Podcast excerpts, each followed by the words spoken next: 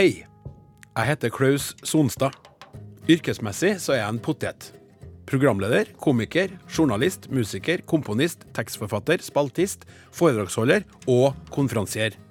På privaten så prøver jeg å unngå for mye potet fordi jeg alltid jobber med å gå ned noen kilo.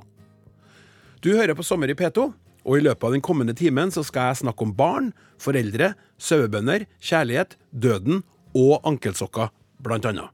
Jeg er fortsatt litt usikker på det her med ankelsokkene, men først skal vi uansett ha litt musikk. Og la meg få åpne med å by på den kuleste puddelrocklåta som noen gang er laga. I 1986 var jeg på konsert med dette bandet i Leangen ishall i Trondheim. For det var der vi hadde sånne store konserter i trønderhovedstaden den gangen. Og det var like etter at de hadde sluppet albumet med denne sangen på. Jeg kommer aldri til å glemme gåsehudfølelsen jeg fikk da trommene dundra inn i det legendariske syntriffet i åpninga. Og så den stemmen til vokalisten. Og det håret han hadde! Det var episk.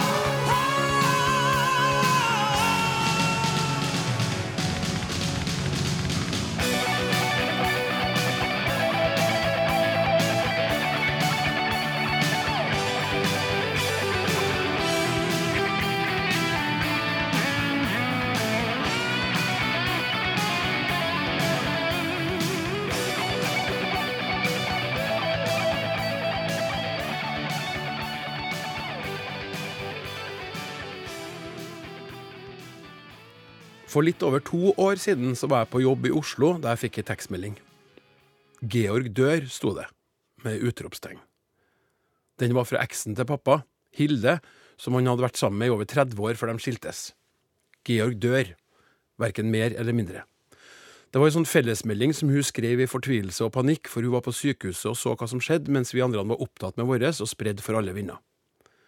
Meldinga var ikke akkurat uventa, for pappa hadde vært syk i lang tid med kols og nå sånn småceller lungekreft, og han hadde vært nær døden flere ganger, men likevel så kom det brått på. Sånn er det sikkert ofte blant dem som mister noen. Vi vet at det skal skje, men vi skjønner det ikke likevel. Bare tre dager før han døde, besøkte jeg pappa, og da påsto han at han følte seg bedre enn på lenge.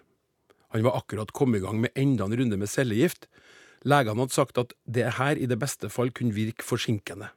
Han kunne få litt mer tid hvis det fungerte. Litt mer tid. Pappa så fremover, sa han, Han var optimistisk, og det var nesten så jeg kunne ha trodd på han om jeg hadde unngått å se inn i de brune, redde øynene hans, som for meg avslørte hva som egentlig var i ferd med å skje. Men jeg, jeg spilte med, da. Jeg sa 'så fint, pappa, så godt å høre'. Nå har jeg fått en rolle på Trøndelag Teater, og vi har premiere om to år, og tenk så fantastisk hvis du kan se meg på hovedscenen da, i 2017. Etterpå ringte jeg kjæresten min, og så sa jeg at jeg hadde en dårlig magefølelse. At det virka som om pappa insisterte på at alt var bra, mens kroppen hans egentlig sto i brann. Han så redd ut seg. Det var frykt i øynene hans, ikke livskraft. Så reiste jeg til Oslo på jobb. Og tre dager etter døde Georg. Nå døde pappa. Det var bare å bestille et fly og komme seg hjem så fort som overhodet mulig. På vei til flyplassen fikk jeg beskjed om at det var over, at han hadde gått ut av tida, som det heter. Jeg hadde aldri sett et dødt menneske før. Bare tanken på det har gjort meg svimmel av uro og frykt. For meg har det å skulle se en livløs kropp vært noe av det skumleste jeg kan komme på.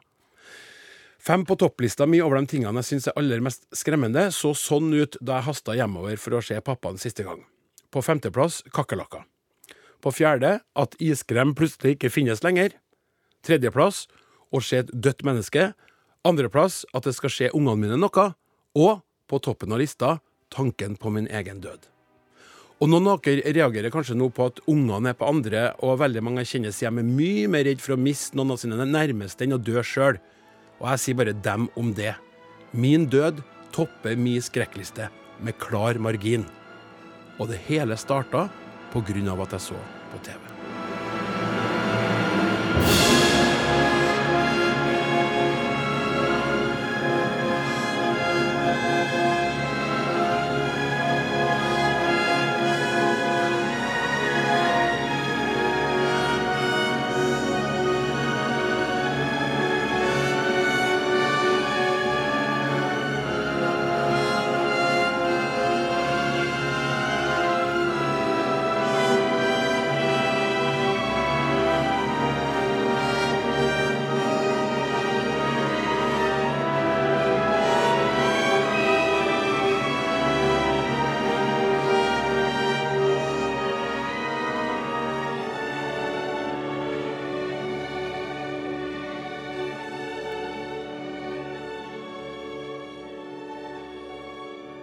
Her eh, hørte du tittelmelodien fra BBC-serien Onedin-linjen.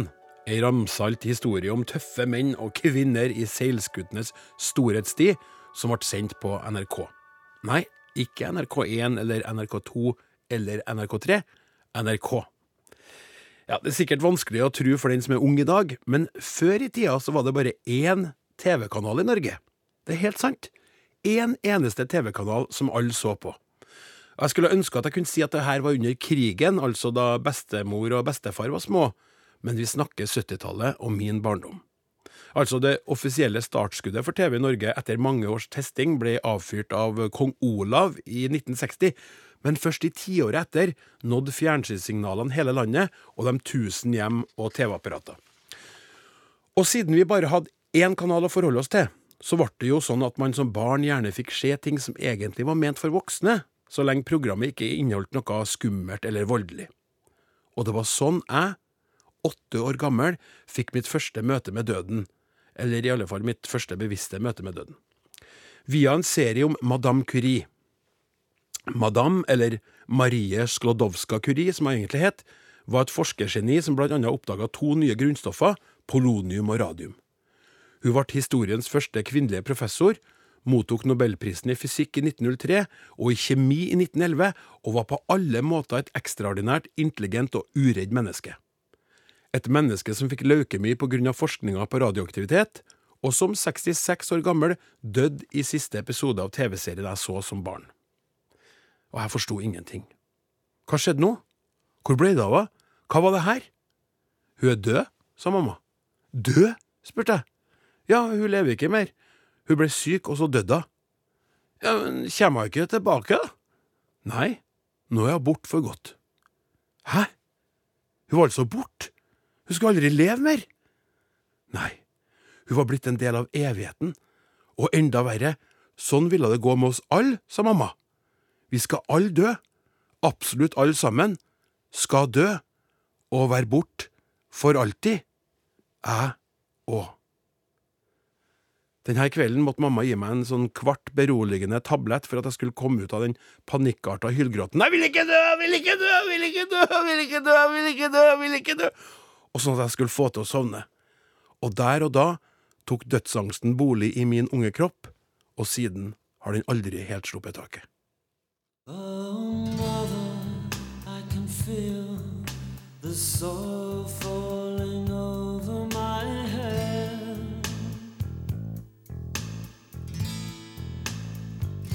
And as I climb into an empty bed, oh well, enough said. I know it's over, still I cling. I don't know where else I can go. Over.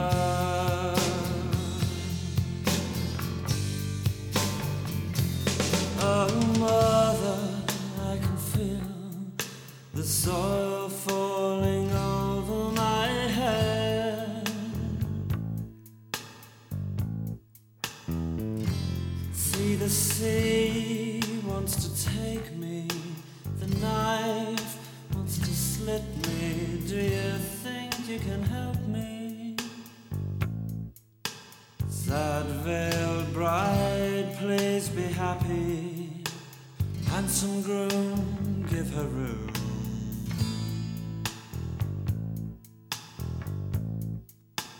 Loud, loutish lover, treat her kindly, though she needs you more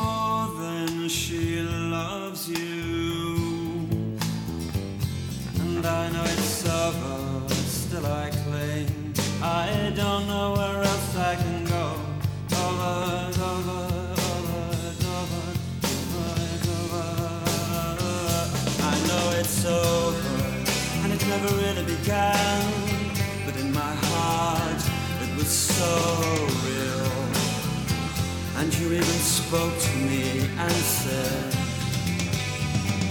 If you're so funny, then why are you on your own tonight? And if you're so clever, then why are you on your own tonight? If you're so very entertaining, then why you on your own tonight? If you're so very good looking, why do you sleep alone tonight? I know, cause tonight is just like any other night. Why you're on your own tonight. With your triumphs and your charms, while they're in each other's arms. It's so easy to laugh, it's so easy to hate. It takes strength to be gentle and kind.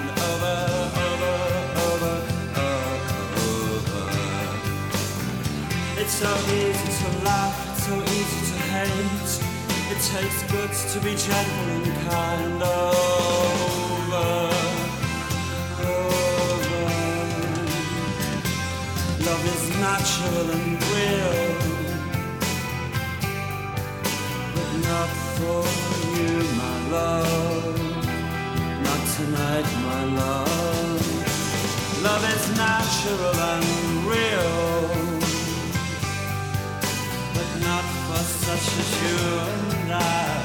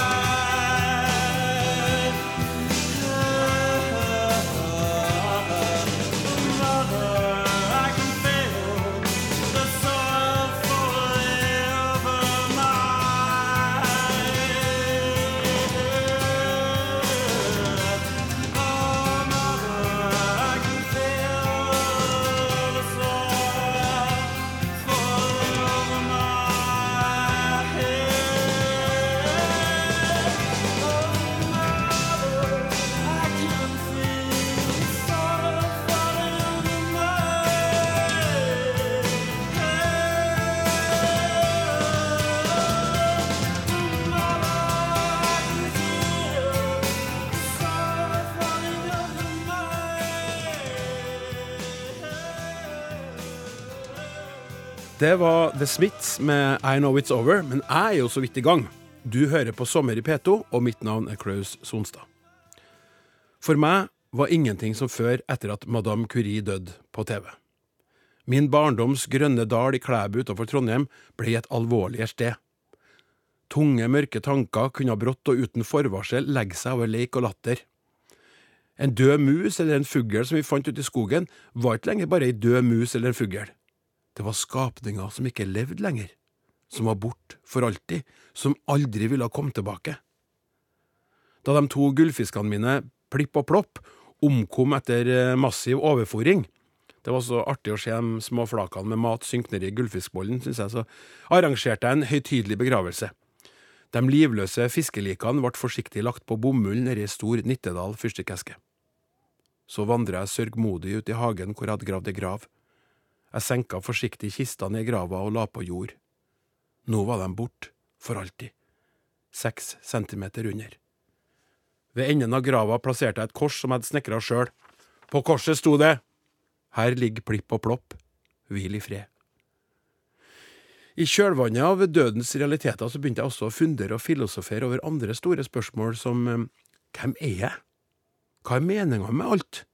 Og hvordan er det mulig at universet ikke har noe ende? Og hvis det har det, altså en ende, hva er bakenden? Eller bak enden? Jeg husker en vinterkveld jeg lå og lagde snøengler sammen med kompisene mine. Det var stjerneklart, og hele den nattsvarte himmelen var full av sånne funklende små prikker. Plutselig var det som om jeg ble sugd utover, eller rettere sagt oppover, eller eventuelt nedover, mot kosmos, der jeg så for meg at man endte opp til slutt, når man var død. Jeg må inn, jeg, sa jeg plutselig og sprang hjemover. Vennene mine skjønte ingenting, selvfølgelig, men hvordan skulle jeg greid å forklare dem hva som egentlig foregikk?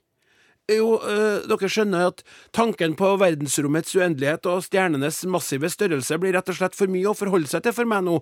Jeg vil hjem og under tak, for å slippe å se evigheten i øynene. Snakkes i morgen, gutta! Egentlig så var jeg jo ganske filosofisk den gangen. Når jeg ser tilbake på meg sjøl som liten, så må jeg innrømme at jeg nesten syns jeg var litt smart. En smule moden i tankene, liksom. Uten filter så tok jeg inn de store tingene. Nå er jeg blitt stor og mye flinkere til å fortrenge sånne ting. Jeg er oftere i hus, sjeldnere ut i snøen og lager engler, med himmelen som tak.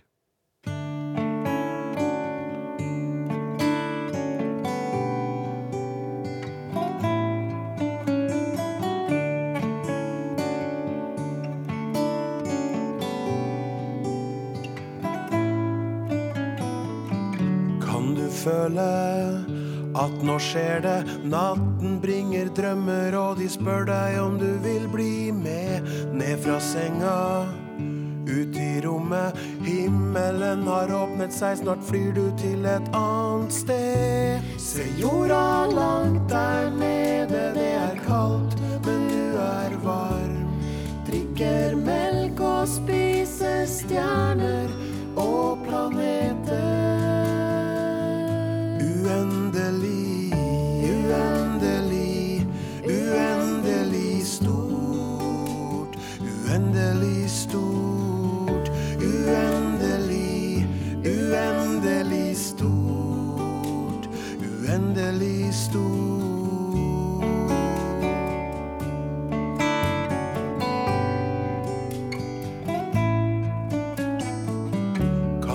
Kjenne, kan du skjønne, du sover trygt i sengen mens du svever rundt i rom og tid. Hold deg godt fast. Et stjerneskudd flyr utover mot det som du en dag skal bli. Se jorda langt der nede, det er kaldt, men du er varm. Drikker melk og spiser stjerner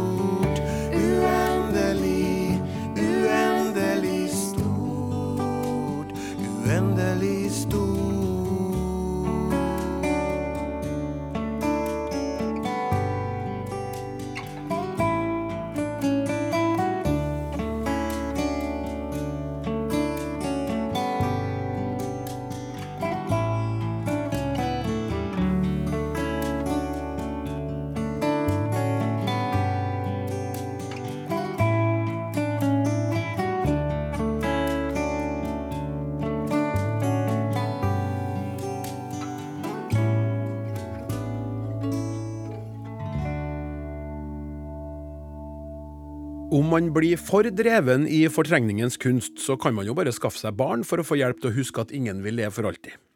Barn som med letthet og uten forvarsel kan bringe alvoret inn i hverdagen. Fordi de ikke legger bånd på seg, fordi de hele tida filosoferer over stort og smått. Som min yngste sønn Max nettopp gjorde da vi var på vei til barnehagen. Pappa, når du dør, så kan jeg jo bare se på bilder av deg. Eller jeg kan gå og snakke til deg på grava di. Ja, det er sant. Det håper jeg du gjør, Max. Men da hører jo du ingenting, pappa, for du er jo utslitt.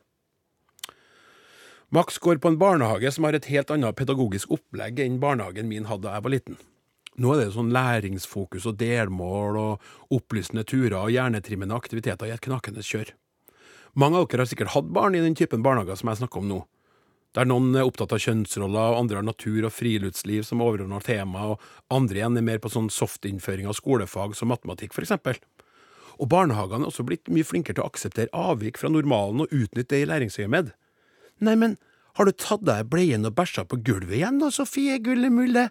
Skal vi telle bæsjeklumpene, kanskje? Én, to, tre, f Oi, den var stor! Fem! Da jeg var liten, så var det kollektivet som telte. Gruppa istedenfor enkeltmennesket. Barnehageansatte den gangen ble ikke nødvendigvis like imponert over og begeistra for personlig initiativ og individuell egenart som de blir nå. De voksne hadde reagert for eksempel veldig tradisjonelt og flokktenkende da jeg satt fyr på lekehytta som sto inntil veggen på Hesteskolen barnehage i Klæbu. Flamma tente meg mer enn noe annet da jeg var en tre, fire, fem år gammel, og du verden som det tørre gresset jeg la inntil hytta og antente flamma opp og skapt tenning. Kalddusjen kom fra personalet, som temmelig sint ga meg klar beskjed om aldri å gjøre det der igjen! Og det lovte jeg dyrt og hellig, jeg skal aldri gjøre det der igjen. Så neste gang så sanka jeg ved et bål, da. Min barnehagekjæreste på fem ble invitert til en romantisk seanse over åpen ild. Men da de ansatte oppdaga hva jeg hadde gjort, da de endelig fant oss der vi satt ved bålet som jeg hadde fiksa under barnehagen, for den hadde jo bare krypkjeller, så ble de rasende og skulle ha oss ut derfra med en eneste gang! I dag, med barnehagens fokus på læringsverdi og kreativitet, så ville de kanskje ha kikka inn på oss og hviska nei, se hva han Klaus har gjort. Han har funnet ved og greid å tenne bål til seg og kjæresten sin. Så fantastisk! Nå lar vi dem være litt i fred, og så går vi og teller bæsjen til Martin istedenfor. Diddelido, diddelido, diddelido. Her sitter jeg sånn litt på tvers og synger på et lite vers. Og venter på en liten bæsj, håper på en liten dæsj. Sier nå må du til pers. Diddelido, diddelido. Diddelido,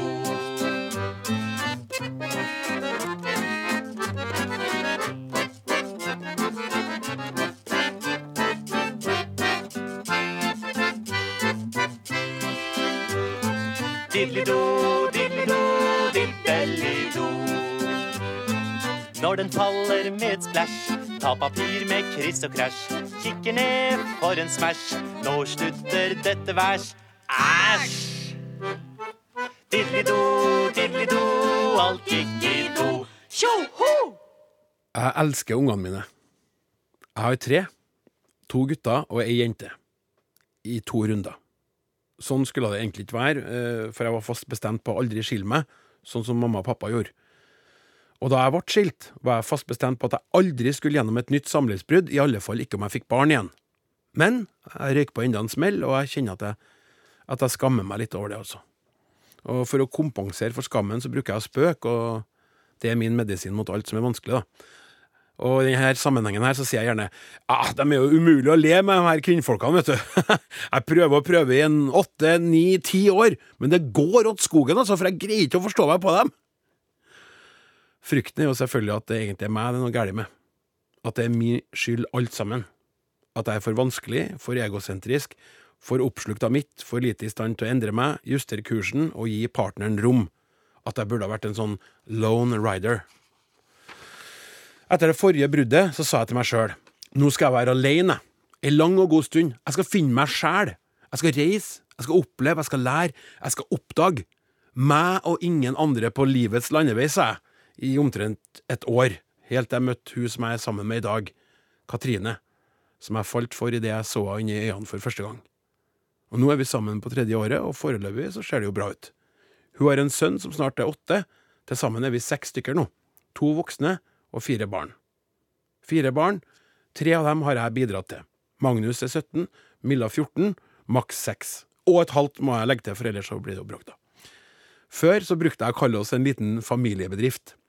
En bedrift med tre ansatte som ikke har bedt om å få jobben, men som kom inn i bedriften da de ble født. Og jeg er da administrerende direktør. Og jeg må si at eh, tidvis er det ganske krevende. Det er mye ansvar. Det blåser på toppen, og staben krever jo hele tida eh, konstant oppfølging og stiller krav. Dessuten så er det en del begrensninger som er utfordrende når man leder en familiebedrift. Man kan jo for eksempel aldri sparke et barn, altså gi barnet sitt avskjed på grått papir grunnet nedskjæringer, for eksempel. Magnus, akkurat nå så er det litt tøffe tider, og jeg opplever at du ikke helt innfrir i forhold til romrydding og orden og sånn, så jeg er nødt til å la deg gå. Og det vil jo heller ikke være snakk om outsourcing eller flytting av produksjon til Asia. Milla, du gjør en fremragende jobb, altså, og jeg er veldig fornøyd med deg, men det finnes andre som gjør det du gjør mye mer effektivt og langt billigere, så derfor så Men det som kanskje er det aller vanskeligste med sjefsjobben i familien, det er å forholde seg til undersåttenes ulike behov. Og jeg kjenner jo mine ansatte ganske godt, altså. Det for all del. Men at tre barn, skapt av samme far, kan være så heterogen! Altså, Jeg trodde jeg hadde skjønt noe, ikke sant? Når min førstefødte var blitt rundt to år, og jeg begynte å lure på å ansette en til. Altså, kvinner oppfordres til å søke. sant? Jeg tenkte, det skal jo gå lettere denne gangen, for nå vet jeg jo hva et barn er. Og det stemte. Jeg visste hva ett barn er, nemlig det ene barnet jeg frem til nå hadde hatt. Det andre barnet kom og snudd opp ned på alt sammen. Altså, Jeg kan gi et eksempel, bare i hvordan ungene mine på forskjellige måter har kommentert at faren deres ikke akkurat er noe sylfide. Altså, Max er en sånn begeistra sånn 'Pappa, du har sånn stor og mjuk mage, pappa! Stor mage!' Magnus, da han var liten, han var mer sånn filosofisk anlagt, og jeg husker da vi satt den i trappa mellom oss, jeg og eksen min, når vi skal fortelle at han skulle bli storebror, da. Magnus, du vet jo at du skal bli storebror, men nå har vi fått vite at det blir ei lita jente, og hun skal hete Milla etter Milla i Albert Aaberg. Er ikke det koselig? Jo, sa Magnus. Men hva skal babyen i magen din hete, pappa? ja, det sitter fortsatt i, jeg må si det, og det er klart at Hadde jeg vært en far fra et annet land, så kan det hende at jeg hadde gjort noe annet enn å gi sønnen min skikkelig hard kokos der og da, så det røyk av håret på den lille tullebukk, din lille tullebukk. pappa, pappa skal ikke ha barn, han, vet du. Pappa kan ikke få barn, de er bare litt kraftig bygd, det. Å ja, har du ikke melk i puppene dine heller, du, da? Og så har vi Milla. Milla som er mye mer rett på sak. Hun hadde vært og bada seg, og så hadde hun på seg en sånn tigergutt-badekåpe, og så la hun seg på sofaen for å se barne-TV. Og jeg la meg bak henne, og så kosa jeg med håret hennes, og så sa jeg det lukter så godt av håret ditt, Milla. Du er tjukk, pappa.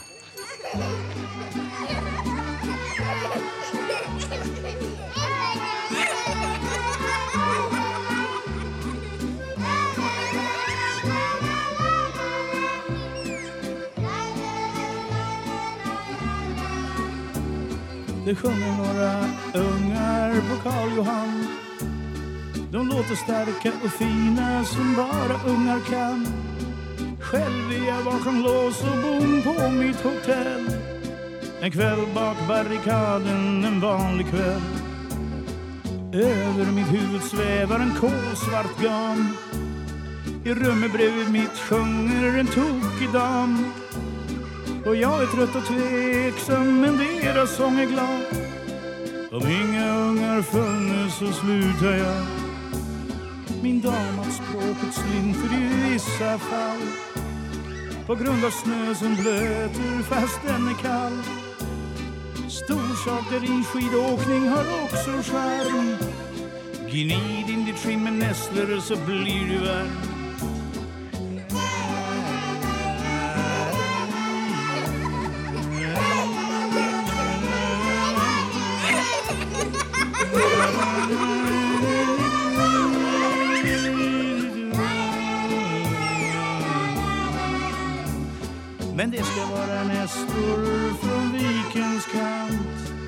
inga snednästor från ruinens brant.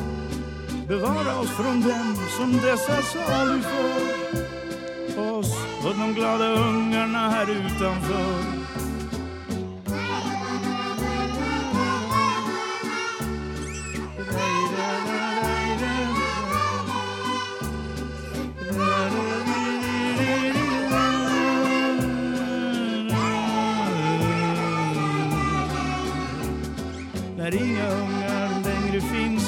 Allting slut Vad det då för mening om man står ut? Visst har det blivit kaos i tidens lopp. Men så länge det finns ungar så finns det hopp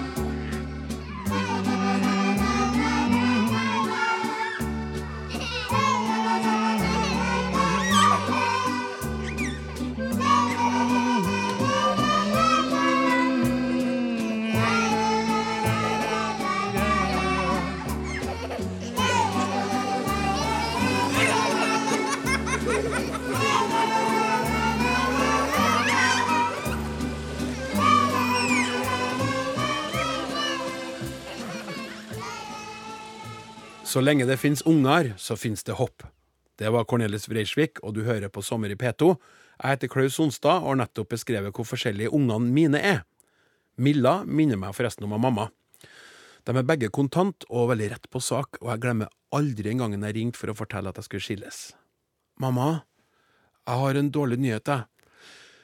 Nina og jeg har bestemt oss for å gå fra hverandre. Ja, det skjønner jeg godt. At to så egosentriske mennesker har greid å holde sammen så lenge som dere har gjort, det er meg ei gåte!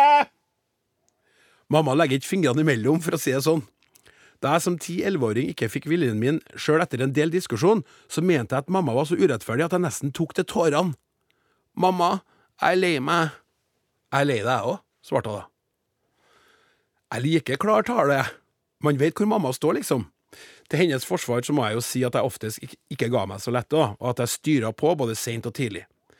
Det var som sløydlærerinna på ungdomsskolen fortvila sa i en time det ble vel mye bråk. Nei, guttungene, må være stille, ja, Klaus. Men jeg sleit med det, med å være stille, for det her var i hormonenes tid, rundt konfirmasjonen, en periode der jeg var veldig opptatt av å bli sett, spesielt av det andre kjønn, som det i hvert fall kaltes før. Å ta med mamma for å kjøpe konfirmasjonsklær var i så måte ikke noe sjakktrekk, for eh, sammen med ekspeditøren på Partner ungdomsklær så greide hun å overbevise meg om at et helgrønt antrekk rett og slett var tingen. Grønn jakke i to nyanser, lysegrønn skjorte, mørkegrønn bukse og mørkegrønt slips, og grønne sko og sokker. Og ja, et grønt belte. I idioti. Jeg så ut som en kortvokst fotsoldat i hæren, en måsadott fra Klæbu, en marsboer som ikke hadde fått med seg at det her var en konfirmasjon på 80-tallet, pastellfargenes absolutte storhetstid, hvor resten av de gryende voksne på konfirmasjonsdagen stilte i mintgrønne jakker og rosa tversovere, hvite dresser med gule slips og sko, knallrosa skjorter og matchende sløyfer under glinsende svarte blazere. Det fantes ikke hashtag den gangen, men jeg må si dere det, at neppe har vel noe passa bedre til å bli hashtagga med den følelsen enn da jeg kom ut av bilen ved Frimurerlosjen i Trondheim og så hva de andre hadde på, og innså hva jeg sjøl gikk kledd i. At mamma syntes jeg var nydelig fra topp til tå, det hjalp veldig lite. De minnene er like grønne i dag.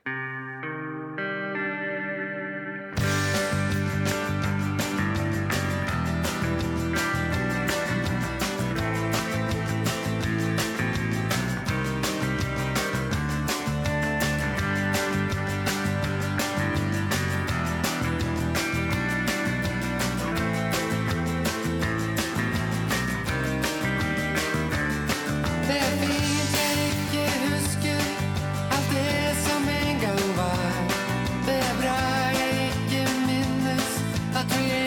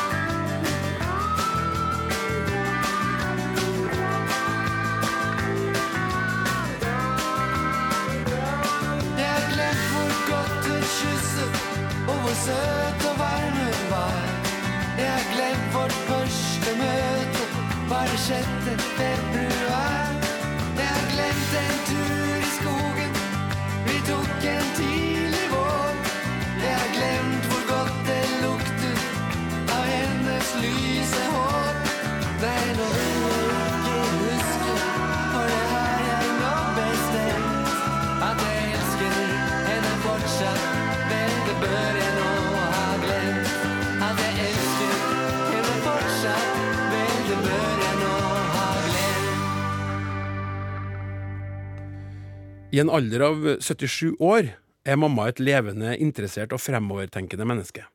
Hun har sterke meninger og et brennende engasjement for samfunnets svake. Hun er i ferd med å bli blind pga. den slemme typen stær, men er glassklar i toppen og strikker de fineste ting til oss ungene og barnebarna i et imponerende tempo under et sånn digert forstørrelsesglass. Hun sluker alt av debattprogrammer og elsker Dagsnytt 18, spesielt når han Fredrik Solvang er programleder, og jeg tror nesten at hun er litt småforelska i han. Samboer Jan han har forsont seg med det for avstandsforelskelse i en alder av snart 80 år, det må jo være lov, da. I store deler av sitt arbeidsliv så jobba mamma med psykisk utviklingshemmede. Eller kanskje jeg heller skulle si jobba for. De her samfunnets svakeste kunne ikke hatt en bedre våpendrager enn mamma. Hun så dem som mennesker og individer. Hun forsto at dem som alle andre hadde veldig forskjellige behov, og at man ikke kunne ha samme behandlingsopplegg for alle. Og jeg har et alter ego som heter Odin Jensenius, som er en halvøkologisk sauebonde fra Namdalen i Nord-Trøndelag. Og hans H-touch-teori om at vi er alle sammen individer, altså forskjellige, og må behandles ulikt for å behandles likt, er veldig inspirert av mamma. Figuren Odin er noe av det som jeg er mest fornøyd med å ha skapt i mitt liv, i tillegg til ungene mine. På mange måter så er han godversjonen av meg sjøl, den jeg egentlig skulle ønske at jeg kunne være. En rettskaffen, hjertegod og optimistisk kar med ukuelig tro på det gode i mennesket. I tospann med Are, Are Sende Osen, først på P3 en time hver ukedag i mange år, og nå på P1 hver lørdag, levert og leverer Are Odin radio som er ulikt alt annet. Unnskyld at jeg sier det, men det mener jeg. Det er rart å tenke på alt vi gjorde i glansdagene. Vi spilte inn Homonasjonalen og ble kåra til årets hetero av Homsebladet Blikk. Vi samla inn flere hundre tusen kroner til Amnesty Norge. Vi la oss til sengs for fred i verden til nasjonal mediedekning og med velsignelse fra selveste Yoko Ono. Vi ga ut singler og CD og reiste land og strand rundt og lagde sendinger hjemme hos folk, og vi traff så bredt og utafor P3 sin målgruppe at sjefene ga opp å stille de vanlige formatkravene. Vi fikk gå vår egen vei, og for en fest det var. Da vi ga oss på P3 23.12.2005, så åpna kringkastingssjef Jon G. Bernander et eget Are og Odin-museum på NRK Tyholt i Trondheim. Ett år etter ble museet stengt, men jeg vil for alltid bære med meg at vi klarte å lage underholdning med holdning i så mange år, for svart og hvit, gul og rød, hund og katt, ku og sau. For å si det med Odin, jeg vet iallfall at mor mi er stolt av meg. Testing, testing. Odin Jensenius, Ja. er du klar? Ja, klar. Har du vært og tissa? Ja. Har du vannglasset ditt? Ja. Har du halstablettene dine? Ja. Er du klar til å gi jernet? Ja. Er du klar til å peise på? Ja. Er du klar til å virkelig levere varene? Ja. Er du klar til å ordne musikkhistorie som Ja. sjelden er blitt skapt før? Kristin Are. Og du vet det er så rart for tida. Egentlig skulle jeg levd for lenge, lenge siden. Da ingen brukte PC og ingen kjørte bil. For å komme til butikken måtte man gå flere mil. Det var bare veier med ei fil. Og ingen som helst var i tvil om at Gud i himmelen eksisterte. Nå for tida er det lett å bli deprimert og reservert når du tenker på alt som blir deponert på gamlehjem og plasser der kjærlighet er rasjonert. Og du blir mobba hvis du er litt pasjonert. Hvis du er Bodø, så er stasjonert, og midt i byen er man feilparkert som en knøl og dust, som en døl fullt av rust. Ja, du, ja! Jeg kjenner det blir vanskelig å puste. Altfor mange tror de er bedre enn andre, men jeg vil henge opp et kjempestort banner med bokstaver som sier at Vi må bry oss om hverandre. Svart og hvit, Svart og hvit. gul og rød, Gul og rød. hund og katt, Hund og katt. ku og sau. Ku og sau. Ja, ja, ja. Jeg vil si deg Hva vil du si? Halløy her.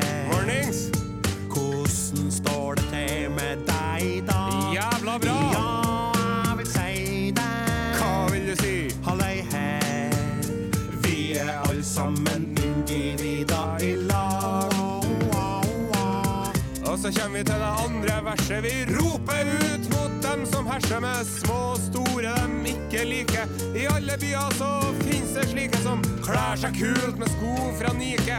Men her har du guttene som ikke viker. Gjør noe plass for Odin og Nare.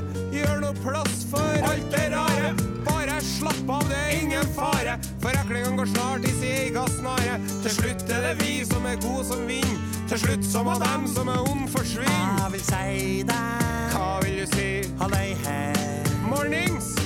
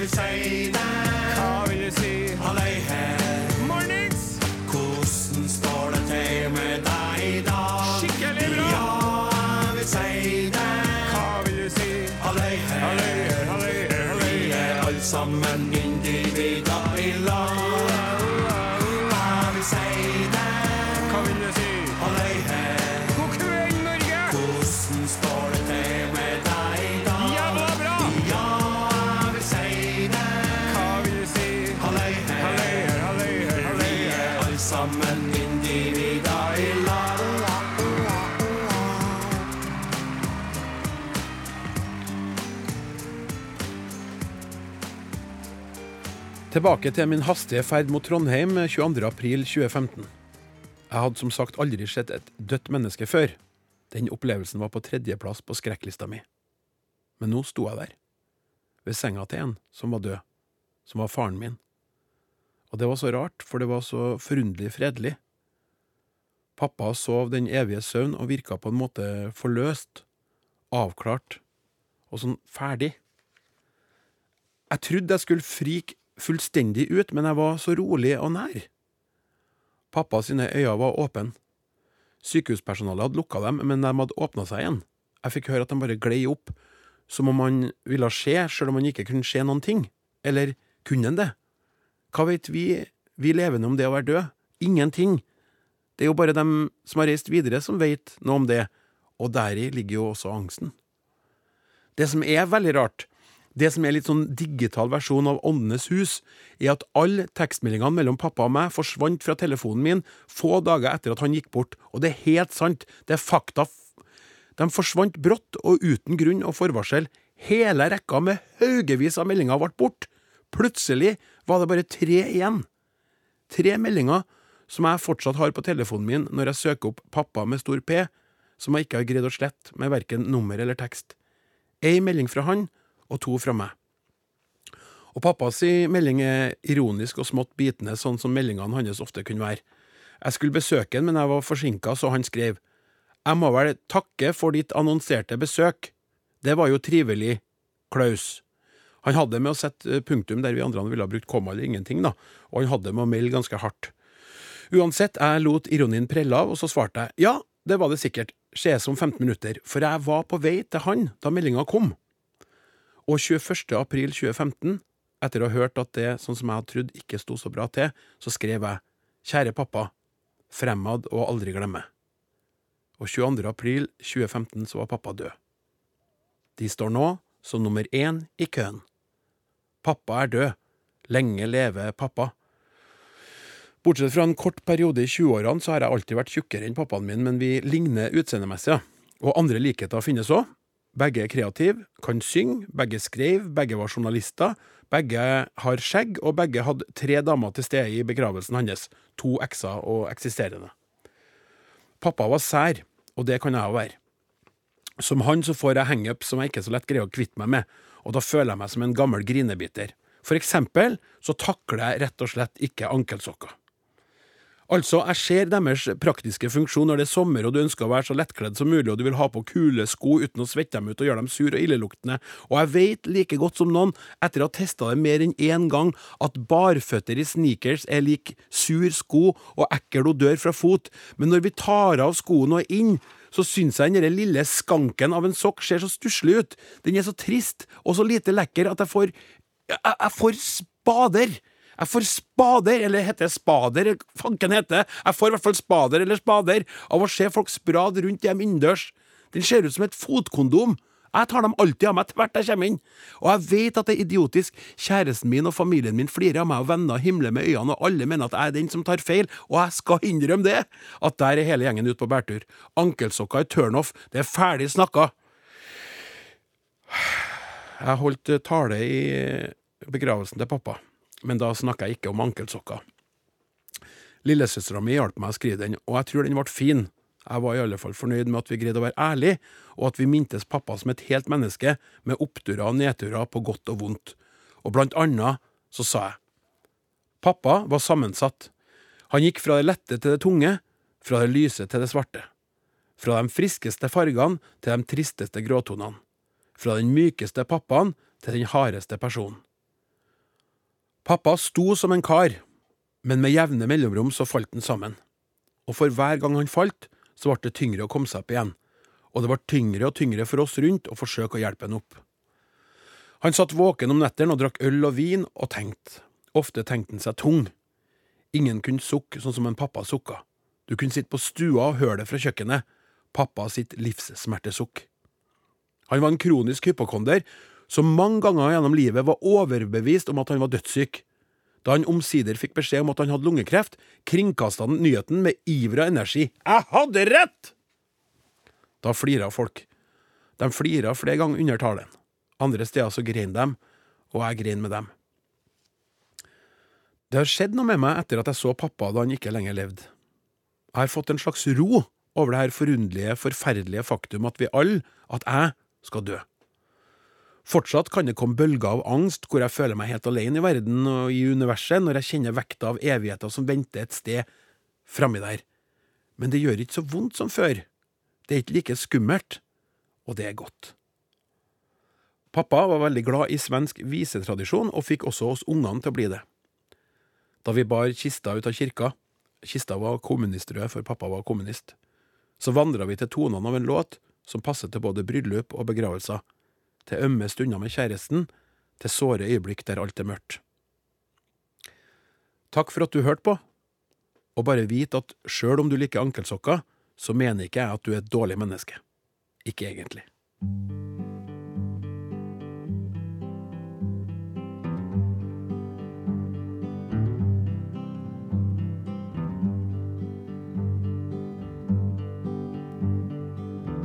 Återigen gryr dagen vid din bleka skuldra. Genom frostigt glas syns solen som en huldra. Ditt hår det flyter över hela kudden. Om du var vaken skulle jag ge dig allt det där jag aldrig ger dig Men du, jag ger dig min morgon Jag ger dig min dag.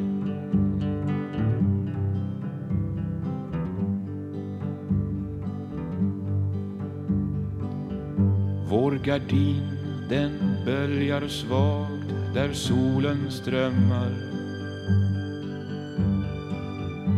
Långt bakom ditt öga svinner nattens drömmar.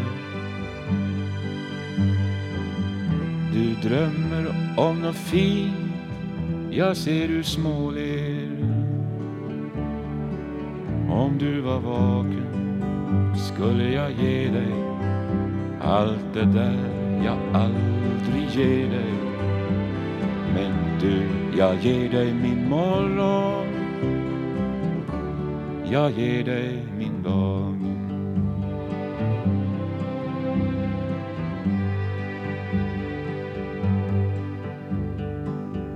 Utanför vårt fönster hör vi markens sånger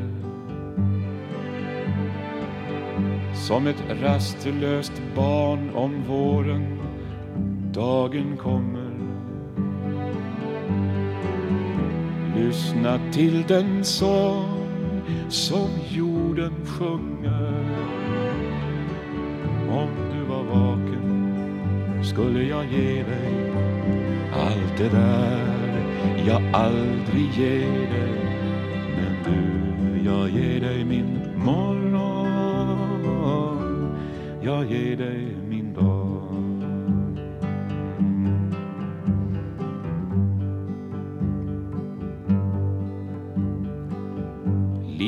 Sländas spröda vinge ögat skälver. Solens smälta i ditt hår kring pannan välver. Du, jag tror vi flyr rakt in i solen. Om du var vaken skulle jag ge dig allt det där jag aldrig ger dig Men du, jag ger dig min morgon Jag ger dig min dag Men du, jag ger dig min morgon Jag ger dig min dag